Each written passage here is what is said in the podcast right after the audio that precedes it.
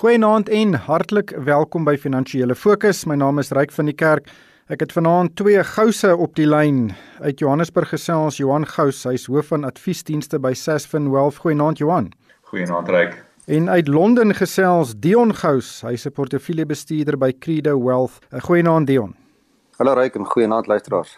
Wel die grootste nuus van die week was sekerlik die aankondiging deur die Amerikaanse sentrale bank dat dit nie beplan om vanjaar rentekoerse in Amerika te verhoog nie en ook dat hulle verwag dat die land se ekonomie met 6.5% kan krimp. En dit het markte reg oor die wêreld skrik gemaak. In Amerika het die Dow Jones donderdag met bykans 7% geval. Die rand het ook skerp verswak soos internasionale beleggers geld na veilige hawes gestuur het. Johan, wat maak jy van die Fed se aankondiging en die mark se reaksie daarop?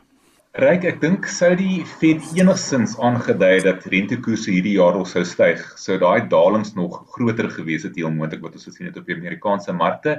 Jy weet, ek dink ons praat al 'n geruime tyd hieroor. Daar is as gevolg van hierdie stimulus wat ons gekry het nou deur die sentrale banke rondom die wêreld, as gevolg van die feit dat die ekonomie wel begin oopmaak, het ons hierdie sterk loopie in wêreldaandelemarkte gesien. Maar die probleem reik is dat daar is besig om 'n gaping oop te maak tussen die wat op die finansiële of aandelemarkte gebeur en wat in die werklike ekonomie besig is om te gebeur. En ons het nog nie naaste by die slegte ekonomiese groei syfers gesien wat nog uitkom vir kwartaal 2 nie. En wat dit beteken is dat jou uh, maatskappy verdienstes gaan soveel swakker wees. En jy weet voor COVID-19 het ons al redelike kommer uitgespreek oor van die waardasievlakke in jou spesifiek jou Amerikaanse aandelemarkte. En nou moet jy verstaan dat as die uh, aandelepryse nou basies terug is op dieselfde vlakke, maar die verdienste syfers gaan nie dieselfde wees nie, dan is hierdie aandele eintlik nou duurder as wat hulle was voor COVID-19. Dion? Ja, Ryk, ek stem saam met van die kommentaar wat Johan daar lewer, maar ek gaan dalk verskil op uh, een of twee punte. In die eerste plek, dink ek die reaksie van die mark was aanvanklik positief op die Fed se aankondiging want hier het eintlik alles Woensdag al gebeur. En Woensdag was die mark inderdaad nog sterk. Woensdag aand het die S&P gesluit op 'n uh, hoogtepunt min of meer vir die jaar. Trouwens uit al die verliese van die kalenderjaar uitgewis min of meer, ek dink ons was 1% van 1 Januarie se vlak af. En natuurlik gister het hy geval en die en die, die vraag is uh, hoekom? Nou gedeeltelik natuurlik as gevolg van baie mense se vrees oor die ekonomie wat nou reeds genoem is en waarmee ek saamstem. Maar ek dink ook gister was daar spesifieke nuusvloei rondom COVID waar daar in drie van die belangrike state in Amerika sterk negatiewe tendens was in die syfers of in die of in die gradiënt van die kurwe in Kalifornië, Florida en elders. So ek dink die die Fed se nuus aanvanklik was nie so negatief geïnterpreteer nie en mens moet ook onthou dat wat die Fed wat die Fed gesê het met die 6.5% 'n uh, verlangsaming in die ekonomie is nie regtig 'n uh, skok vir enigiemand nie. Ek dink almal het daai tipe vooruitskattinge verwag. En dan wat betref die prysvlakke van aandele oor die algemeen en die verband wat dit hou met die die die vlak van die ekonomie. Daar dink ek sien ons twee tipes aandele. Ons ons sien aandele wat vandag min of meer op 'n hoogtepunt is van die tegnologie aandele spesifiek. Miskien kan ons meer daaroor gesels en daar's goeie redes daarvoor. Maar meeste ander aandele wat nie tegnologies van aard is nie, is nie vandag duur relatief tot wat was enige tyd in die laaste paar maande, die laaste jaar of twee nie. Vat 'n groot bank in Amerika soos Wells Fargo waar Warren Buffett 'n 10% belang hou. Wells Fargo het in die kalenderjaar tot gisteraand toe 50%, 50, 50% geval. So hy's 50% goedkoper as 1 Januarie. Uh, en ek dink dis 'n funksie van die bank se besigheid, van sy slegte skulde. En uh, teen helfte van wat hy was 5 maande gelede, lyk hy nie so duur nie. Ek dink hy's min of meer reg geprys. En so kan ek aanhou, daar's maatskappye in meeste sektore wat 20, 30, 40, 50% geval het van waar dit 'n paar maande gelede was en vandag nog by daai vlakke verhandel. Maar Dion is baie duidelik dat die mark baie sukkel om waardasies te koppel aan aandelemarkte en maatskappye. Die die wisselvalligheid is is geweldig groot. En dan is die ekstra likwiditeit in die mark ook nog daarom dinge nog verder die mekaar te maak want geld vloei nou na aandelemarkte toe want dit is baie goedkoop om geld te leen. Dink jy die risiko wat markte op die oomblik inhou is hoër as wat dit moet wees? Ja, Ryk is 'n goeie vraag en, en jy maak 'n paar baie geldige punte, maar die manier waarop ek daai tipe vraag antwoord is markte is altyd maar onseker. Maar markte probeer altyd verdiskonteer wat môre, volgende week, volgende maand, volgende jaar gaan gebeur. En selfs al het ons nie die onsekerheid en die skok van 'n pandemie om mee saam te leef nie, is markte steeds onseker. Jy kan argumenteer dat hulle vandag meer onseker is as ooit. Die feit dat 'n globale ekonomie min of meer gesluit is vir die laaste paar maande is iets waarmee nog nie een van ons ooit do te doen gehad het nie. So ek aanvaar dit maak dit meer onseker as ooit. En dit is gedeeltelik dink ek ehm um, die rede dat ons hierdie groot wisselvalligheid sien. Maar soos ek sê, markte is vir diskonterende meganismes. Hulle probeer altyd vorentoe kyk. Daar's altyd onsekerheid en elke stukkie nuusvloei het dan 'n effek en lei tot wisselvalligheid in die korttermyn. Jou vraag oor die likwiditeit is natuurlik 'n ander baie geldige een. Ja, mens niemand niemand kan dit ontken nie. Die rol wat die Fed gespeel het, nie net die laaste paar maande nie, maar jy kan dit terugvat na die na die finansiële krisis in 2008, die laaste 12 jaar al toe ons die eerste die eerste ronde van kwantitatiewe verlangsaming gehad het. Dit is die regte term is vir QE. On, ons leef al 12 jaar daarmee saam met hierdie ekstra volgens party mense kunsmatige likwiditeit in die mark en dit het definitief 'n effek op waardasies en potensieel oorwaardasies in in in sekere gevalle, sogenaamde borrels wat wat vorm in dele van die mark. Johan, ek wil net aansluit by by 'n ding wat Dion nou net gesê het. Uh, hy het verwys na Wells Fargo wat se aandeleprys met 50% geval het, maar hierdie week het ons ook berigte gesien dat daar verwagtinge is dat die winsgewendheid van Suid-Afrikaanse banke met tot 50% kan val. Daar is selfs 'n uh, gefluister dat sommige banke 'n verlies kan ly. Dis baie duidelik dat daar druk is op banke. Wat verwag jy uit ons banksektor uit in hierdie omstandighede? Ja, reg, kyk, ons sien die aandelepryse sê maar 50% van 'n aandeel geval. Die vraag is met hoeveel gaan daai maatskappy se verdienste val? Jy weet, dit, dit gaan bepaal wat is die eintlike waarde dan van die maatskappy en of hy duurder of goedkoper is na al hierdie gebeure, maar jy weet die plaaslike banke sit nou in 'n situasie daar gaan laer vraag wees na lenings of skuld tipies deur besigheid maar ook deur huishoudings. Daar's ook 'n laer vermoë van huishoudings en besighede klein besighede spesifiek om nog geld te gaan leen. En dan kyk jy na rentekoerse wat op 'n historiese laagtepunt is wat banke se marges onder groot druk plaas. Nou saam met dit vat jy die stygende slegte skuldsyfers wat ons nog nie weet presies hoe dit gaan lyk nie, maar ons weet daar gaan 'n geweldige hoeveelheid maatskappye wees wat in die moeilikheid is en dan vat jy ook die kredietafgradering wat ons gehad het en wat verdere druk sit op die funderingskoste en die marges van banke. So wat jy na kyk vir banke is 'n laer volume in terme van die produk wat hulle eintlik verkoop, dan lenings en dan ook aan die ander kant die marges wat hulle het. So die volume en jou marge van hierdie banke is onder groot druk op die oomblik. En en daarom het ons gesien dat hierdie banke van uh, op ons beurs ook onder geweldige druk is. Ons het so klein bietjie van 'n oplewing gesien. Weet vir die maand tot datum was dit nie te sleg geweest nie, maar hier lê nog 'n moeilike pad voor vir baie van hierdie banke en dit is nie onmoontlik dat van hulle dalk in 'n skuld of in 'n in 'n verliessituasie kan opeindig nie. Dion, nie net Suid-Afrikaanse banke is onder druk nie, banke reg oor die wêreld is onder druk, maar is dit so 'n groot krisis as van die banke nou in hierdie omstandighede nou 'n rooi syfer wys aan die einde van hulle fiskale tydperk? Ag ek dink op die kort termyn nie noodwendig nie, Ryk. Ek dink trouens die markte verwag dit half. Ek stem 100% saam met uh, Johan se analise daar, die drie redes wat hy gegee het hoekom Suid-Afrikaanse banke onder druk is. Ek dink dit is maar meer die waarheid reg oor die wêreld. En so in baie gevalle verwag die mark op die ou end dat van hierdie banke miskien negatiewe opbrengssyfers gaan hê op die kort termyn. Die vraag is of hulle dit gaan oorleef of nie. En ek dink hulle sal, hulle sal dit onder andere oorleef as gevolg van die ondersteuning van die sentrale banke, ehm um, waar ons nou reeds gepraat het. So ek dink die mark ignoreer nie net in die geval van banke nie, maar in die geval van baie besighede. Dink ek die mark ignoreer min of meer wat gaan gebeur in die volgende jare waar die bank die die mark verwag dat dit gaan vrot wees.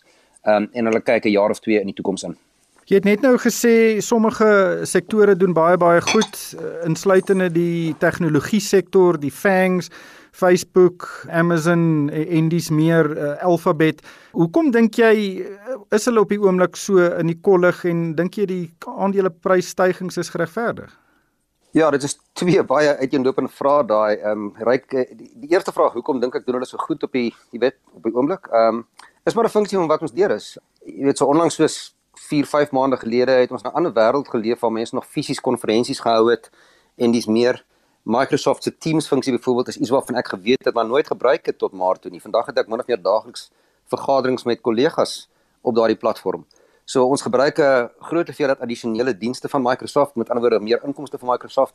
En ons is maar 'n klein maatskappy. Jy kan ons voorbeeld met jy weet met tientalle met honderdduisende vermenigvuldig reg rond wêreld. Ehm um, en dan sit nie net die dienste wat jy gebruik nie, maar dit is ook die addisionele geheuekapasiteit wat in die wolk gehou word in die in die cloud wat vir hulle tot inkomste lei en natuurlik daai faset is waar vir Amazon, dit is waar vir Alphabet, dit is waar vir uh, Alibaba in China. Ehm um, so die cloud besigheid dink ek doen ongelooflik goed en het nog verskriklik baie uh goeie vooruitsigte in, in die toekoms. So ja, die die die wêreld waarin ons leef, die wêreld waar mense van die huis af werk en waar mense by die huis sit en kyk na Netflix en dis meer om hulle self besig te hou want hulle kan nie uitgaan nie, het het 'n hele reeks van van aanlyn maatskappye tot voordeel gestrek. En dan jou ander vraag, is dit dalk te ver gedruk en ek dink dit is die sogenaamde miljoen dollar vraag. Daar's daar's twee kampe ehm um, wat wat betref die antwoord op daai vraag. Daar is baie mense wat lankal glo dat 'n maatskappy soos Amazon, soos Netflix, soos 'n klomp, miskien nie Amazon soveel nie, maar definitief Netflix en 'n paar ander heeltemal te duur lyk like, met prys-verdienste verhoudings van argumente albe 70 of 100 of 'n paar honderd in in sekere gevalle. Zoom wat baie mense gebruik en ek dink luisteraars na die program drink miskien drankies saam met hulle vriende reg oor die wêreld, jy weet, deur te gesels op Zoom. Die die Zoom aandelepryse het ongelooflik goed gedoen hierdie jaar, maar kan hy regtig die verdienste lewer in die volgende jaar of twee wat sy prys vandag suggereer? tyd sal leer. Daar's daar's natuurlik mense wat dit glo en daar's 'n klomp ander wat dink hy's waarskynlik duur. Ehm um, ons sal ons sal eers eendag weet. Ja, ons moet eers sien of die toename in gebruik lei tot toename in inkomste en in daai selfde verhouding. En dit gaan baie interessant wees om te sien. Johan, kom ons gesels oor die wisselkoers. Eh, die rand het die afgelope paar weke so stadig maar seker elke dag 'n bietjie sterker geneig maar donderdag weer pak slaag gekry weer aan die verkeerde kant van R17 teen die dollar. Hoe sien jy die reaksie van die wisselkoers op wat ons in Amerika gesien het? Ryk, ek dink dit sê net weer vir ons eintlik maar net hoe blootgestel die rand nog steeds is. Ons weet die rand is 'n baie verhandelbare geldeenheid en en dit tel partykeer teen hom en dis baie keer ook vir ons 'n baie goue indikator van wat is die sentiment rondom opkomende markte en ons het hierdie week weer 'n bietjie van daai risiko af tipe van scenario gesien en uh, dit sou weer eens 'n effek gewees het van mense wat bietjie veilige hawe in die dollar gaan soek en dan definitief probeer om 'n geldeenheid soos die rand dalk op hierdie stadium te vermy. Ek dink ons kan nie uit die oog verloor nie die rand het eintlik baie goed versterk. Ons was ek dink hier op 14 April het ons daar by daai R19.26 teen die dollar gaan draai. Ons was afgewees hierdie week na R16.50 toe en hy het redelik stabiel gelyk toe ons nog hierdie week vroeër daaroor gepraat het, maar ek dink ons moet besef dat daar lê nog die begroting van 24 Junie voor waar ons baie meer duidelikheid hooplik gaan kry van presies hoe groot is die uitdaging vir ons fiskus en uh, dit dink ek op hierdie stadium tel nog steeds baie teen die randryk. Dion, die rand het die jaar net so bo R14 in die dollar begin, so dit het reeds vanjaar wesentlik verswak. Hoe sien julle daar in Londen die wisselkoers en en en hoe dit reageer op uh, internasionale gebeurtenisse?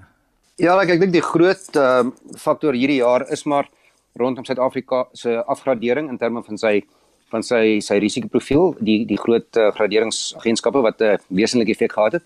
As jy kyk op die uh, meer korttermyn die laaste maande wat uh, stem ek saam met met alles wat Johan gesê het, maar daar's ook 'n ander kant van dieselfde muntstuk en dit is dit is nie net die rand se relatiewe sterk vertoning die afgelope maande wat nie ek, ek ignoreer nou miskien die laaste dag of twee. Dit is ook die dollar wat so bietjie swakker vertone teen 'n hele mandjie van internasionale geldeenhede. So dit was randsterkte en ook dollar swakheid. Die dollar het byvoorbeeld teen die pond in die laaste maand of wat met 3 of 4% verswak, min of meer. Nou 3 of 4% teen die rand is meer as 50 sent werd, dis 60 70 sent werd. So as die rand maar net met die pond tred gehou het, het hy 60 of 70 sent teen die dollar versterk in die in die laaste maand of wat. So daar's daar's altyd twee fasette aan die argument. Hoe sê my kinders, is 'n pizza en 'n tuimeldroër.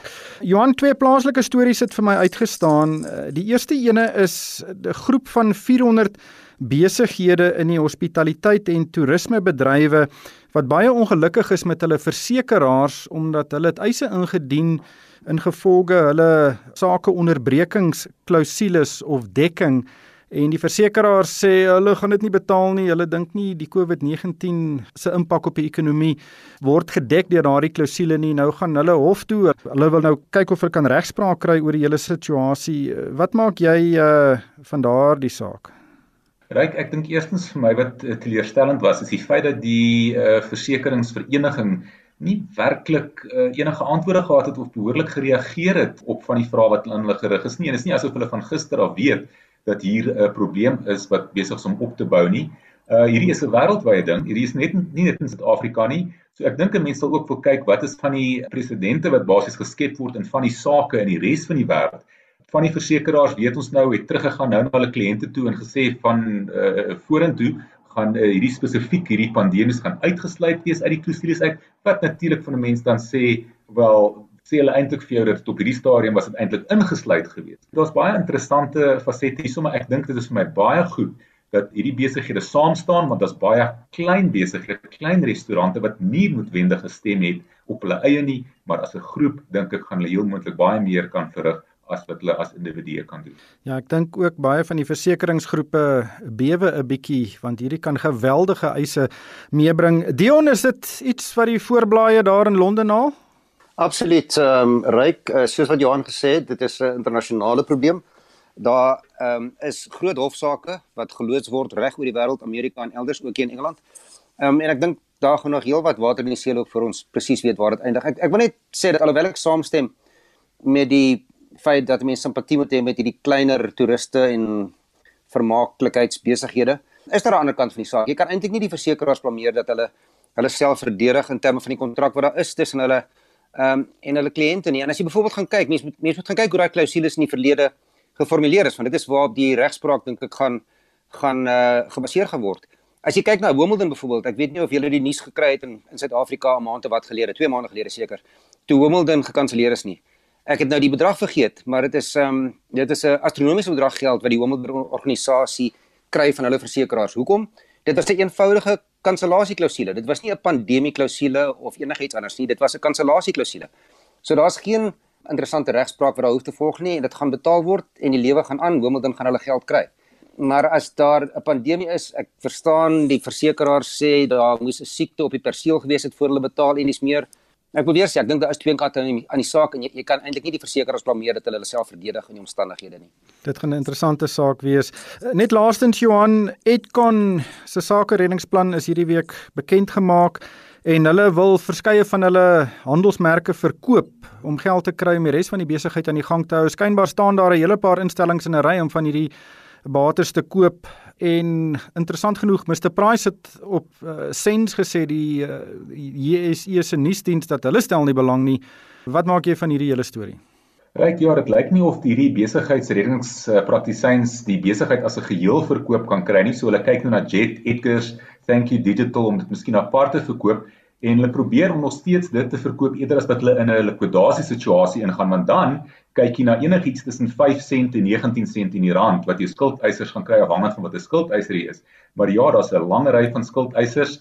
Ehm um, die grootste ene eintlik is die werkloosheidsvoorsieningsfonds waar daar 889 miljoen rand geskuld word en ons weet die werkloosheidsvoorsieningsfonds moet al reeds baie eise uitbetaal met hierdie COVID pandemie verligtings en dan is jou vier groot banke het blootstelling van amper 'n miljard rand En dan kyk jy ook na internasionale beleggingsbanke soos eh, onder andere Goldman en dan genoteerde eiendomsmaatskappye wat ook omtrent 100 miljoen rand geskuld word deur die groep. So ongelukkig daai 3.7 miljard rand se skuld aan aan 80 entiteite is 'n geweldige las op hierdie maatskappy se balansstaat. Ongelukkig het die tyd ons ingehaal. Baie dankie aan Johan Gous, hy's hoof van adviesdienste by Sasfin Wealth en ook Dion Gous, hy's 'n portefeuljebestuurder by Credo Wealth in Londen.